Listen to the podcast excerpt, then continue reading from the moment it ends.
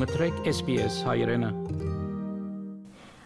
Մեր այսօրվա հյուրը համազգային հայ քրթական եւ մշակութային միության Արցախի գրասենյակի պատասխանատու Հերմինե Ավակյանն է։ Բարի երեկո Հերմինե եւ շնորհակալ ենք մեր հրավերը ընդունելու համար։ Արցախի համար այս ծանրագույն օրերին համազգային գրասենյակը շարունակում է իր աշխատանքները։ Կարող եք ներկայացնել այն ծրագրերը, որոնք այժմ իրականացվում են Արցախում։ Բարի երեկո Արմինե, նախ շնորհակալ եմ ձեր տաղավարում ինձ ընկալելու համար ռադիոյի եթերում։ Նշեմ, որ համազգային Արցախի գրասենյակի առաջարկով հենց պատերազմի օրերին նոյեմբերի 1-ից համազգային կենտրոնական վարչության հաստատումով ու համազգային հովանավորությամբ կենքի է կոչվել համազգայինը Արցախի մանուկների կողքին ծրագիրը եւ ինչպես նշեցի նոյեմբերի 1-ից մինչեւ այսօր այդ ծրագիրը իրականացվում է համազգային Արցախի մանուկների կողքին ծրագիրը նպատակ ուներ պատերազմի ընթացքում Արցախի տարբեր վայրերից տարհանված Երևանում եւ մոտակա շրջաներում ապաստանած Արցախի մանուկների հոգեվոր մշակութային ճանապարհով ցուցաբերել աջակցություն կազմակերպել երեխաների գտման ու դաստիարակման աշխատանքներ, որոնք պետք է նպաստեն մանուկների մոտ արկա գճախտի, ասես ասած, թոթակմանը եւ հոգեվոր ուժերի վերականգնմանը։ Այդ նպատակով էլ սկզբում Երևանում հենց նոյեմբերի 1-ից սկսեցինք արվեստի խմբակներ կյանքի կոչել, այն է նկարչության, կավագործության, թատերական խմբակներ,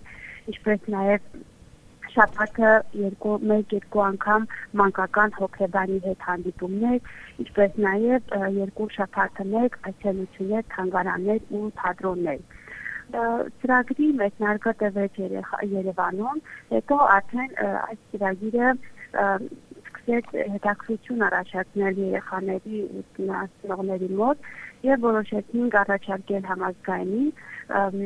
շարունակել ու ընդլայնել ծրագրի աշխարհագրությունը եւ Երևանից բացի ծրագիրը այդ խմբակ արվեստի խմբակները սկսեցին իրականացվել նաեւ Աբովյան քաղաքում եւ Դիլիջանում շեմ նաև որ հունվարից հետո մենք մտածում էինք որ այդ երեխաները հունվարից կվերադառնան Արցախ եւ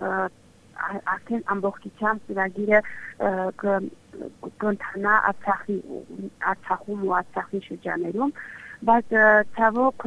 շատ երեխաներ Շուշի, Ցադրուտից մնացած գրազալ տարածքներից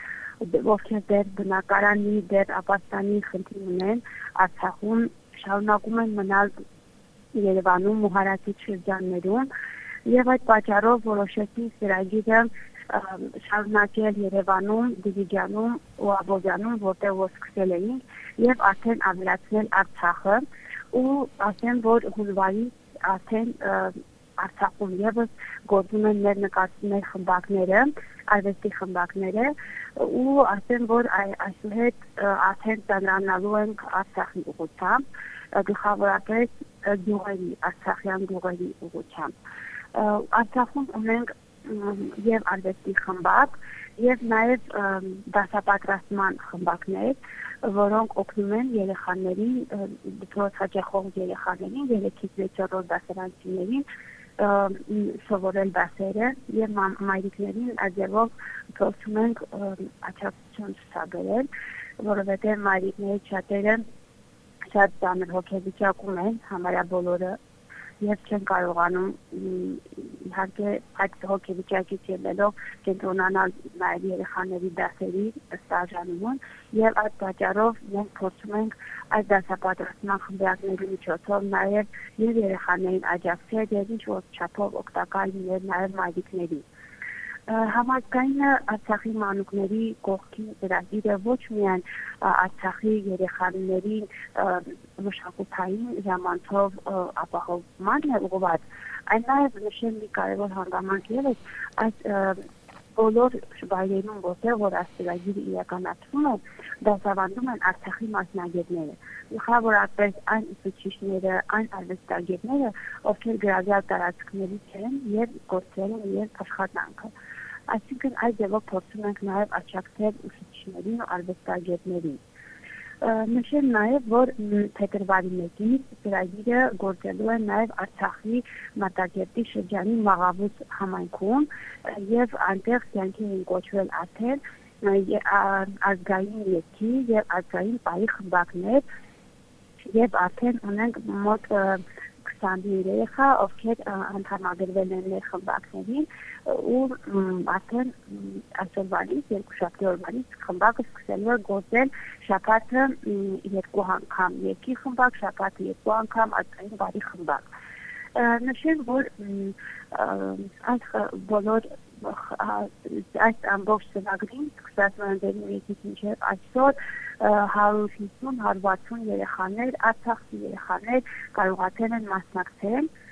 եւ նաեւ մինչև այսօր շարունակում են մասնակցել եւ նաեւ կան երեխաների մի խումբ, ովքեր հերո շրջաններից են, օրինակ Երևանի ոչ մոտ շրջաններից է եւ իրենք միայն կարողանում են մասնակցել մեր էքսկուրսիաներին ու թատրոններին այսինքն ունեն նաև ճանապարհ ճանապարհի հեռավորության խնդիրն է եւ միայն թատրոններ ու թանգարաններ արտադրության այդ մասնակցում այս այս ճանապարհով Արցախի միգրացիոնակը փաստորեն արդեն մի քանի ճակատով է աշխատում եւ Հայաստանի շրջաներում եւ նաեւ գլխավորապես Արցախն է լեցիզակետում որովհետեւ այս երեխաները, թե երեխաները, թե ծնողները ունեն հոգևոր աճակցության խնդիր ու այդ պատճառով է որ նշեցիք դժվարությունների մասին ես շեշտեմ այդ դժվարություններից այն որ ծնողները շատ ծանր հոգեկան վիճակում են եւ շատ հաճախ դժվար է ուղղակի դուրս գալ եւ երեխաներին բերել խմբակներին այդ պատճառով է որ մենք նաև հոգեբանի հանդիպումներ ենք կազմակերպում ծնողների հետ փորձելով ինչ որ չափով թոթափել նրանց այդ ստրեսները, ստրեսը եւ ցույց տալ, որ երեխաները մեղավոր չեն եւ անպայման պետք է նրանց հոգեվոր աշխարհը կայուն լինի, որովհետեւ այդ հոգեվոր աշխարհում է մեր վաղվա օրը կերտվելու եւ եթե այդ հոգեվոր աշխարհը խարխուլ լինի, ապա ապագան էլ խարխուլ է լինելու։ Այս էլ փորձում մեկ մեծ ծնողների ցույց տալ եւ կարեւորել երեխաների մասնակցությունը արվեստի խմբակներին ու արվեստի միջոցով նրանց մոտ ընկճվածության ինչ որ ձևով հաղթահարմանը Երեխաներից շատերը անմիջապես առերեսվել են պատերազմի հետ եւ շատերը նույնիսկ հարազատներ են կորցրել, ծնող են կորցրել։ Ինչպես է դա անդրադառնում իրենց առօրյայի վրա եւ ինչպես է դա հաղթահարում։ Այո, ճիշտ է, նույնիսկ նրանք ովքեր ծնող չեն կորցրել, հարազատ չեն կորցրել, իսկ այդպիսիները ասեն, որ հազարդեպ են, նույնիսկ նրանց վրա է պատերազմը հետ կթողել, որովհետև չկա մի տուն, չկա մի ընտանիք, որի որի այսպես ասած չկետավոր այսինքն չունի պատերազմը, թե կորստի, թե տան կորստի, թե ուղակի պարզապես հոգեբանորեն ազդելու միջոցով, որովհետև երեխաները բոլորն են նկուղներում են եղել պատերազմի օրերին եւ տարբեր ժամանակներում են տեղափոխվել Հայաստանի շրջաններ ու այս բոլոր երեխաները ովքեր կոնը նկուղում օր մնացել են առնչվել են այդ արհավիքի հետ եւ ցավալի է որ այս պատմությունը նույնիսկ կրկնվել է եւ եթե տարիներ առաջ Արցախյան պատերազմի օրերին մենք էինք նկուղներում ու մենք էինք այդ ստրեսը տանում, այդ հավիրքը զգում, ապա այն կկնես նաև մեր երեխաների համար եւ այդ այդ ամենի միջով անցաններ երեխաները, որը մենք ամենաքիչն ենք ուզում այս կյանքում եւ նրանց մանկու նրանց մանկությունները ասես ասած ժամանակից շուտ մեծացան եւ երեխաները քեզ այդ պայթուններից հետո ահագին փոխվել են նրանց մտածելակերպն է փոխվել, նրանց հոգեվիճակն է փոխվել, դա արտացոլվում է հատկապես նրանց նկարների մեջ, ինչպես մեր նկարչության ուսուցչուհին է նշում, պատերազմի առաջին օրերին երբ սկսեցինք նկարչության խմբակը, խմբակները երեխաները անընդհատ լացող մամաների էին նկարում նկարում էին զոր զորքեր, դրոշներ, վիրավոր, զոհված զինվորներ եւ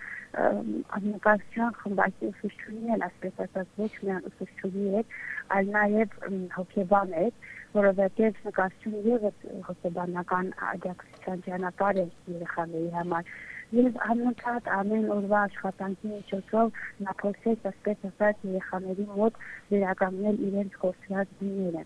եւ հիմա երբ ես հաճախում եմ խմբակներին այցելում եմ թե ինչպես են աշխատանքները արվում տեսնում եմ որ երեխաները սկսել են ավելի սիրուն բաներ նկարել ավելի շատ գույներ օգտագործել եթե միջև այդ միայն սպիտակ մռայլ գույներ են օգտագործում սև գույներ էին օգտագործում, սև էին երկու զինվորների, նույնիսկ կոլերները, տները, ապա այսօր փոքրիկ ինչ որ առաջընթաց կա, նրանք սկսել են զիացան նկարել, արև նկարել, նույնիսկ իրենց կոտրած տոնը, որ նկարում են գույն գույն ներկում, կարծում եմ սա եւս ինչ որ շատ չնչին հաջողության նշույլ է, որ կարողացել են ինչ որ կերպ նկարչության միջոցով աչակցել այս երեխաներին, որպեսզի գտնեն իրենց կոչված գույները, իրենց մանկության գույները։ Հիշեցնենք, որ մեզ հետ էր համազգային հայ կրթական եւ մշակութային միության Արցախի գրասենյակի պատասխանատու Հերմինե Ավակյանը։ Կուզես լսել նման բանություններ, կընտրե Apple Podcast-ի, Google Podcast-ի, Spotify-ի վրա, կամ որտեղեն որ podcast-ը դուք լսես։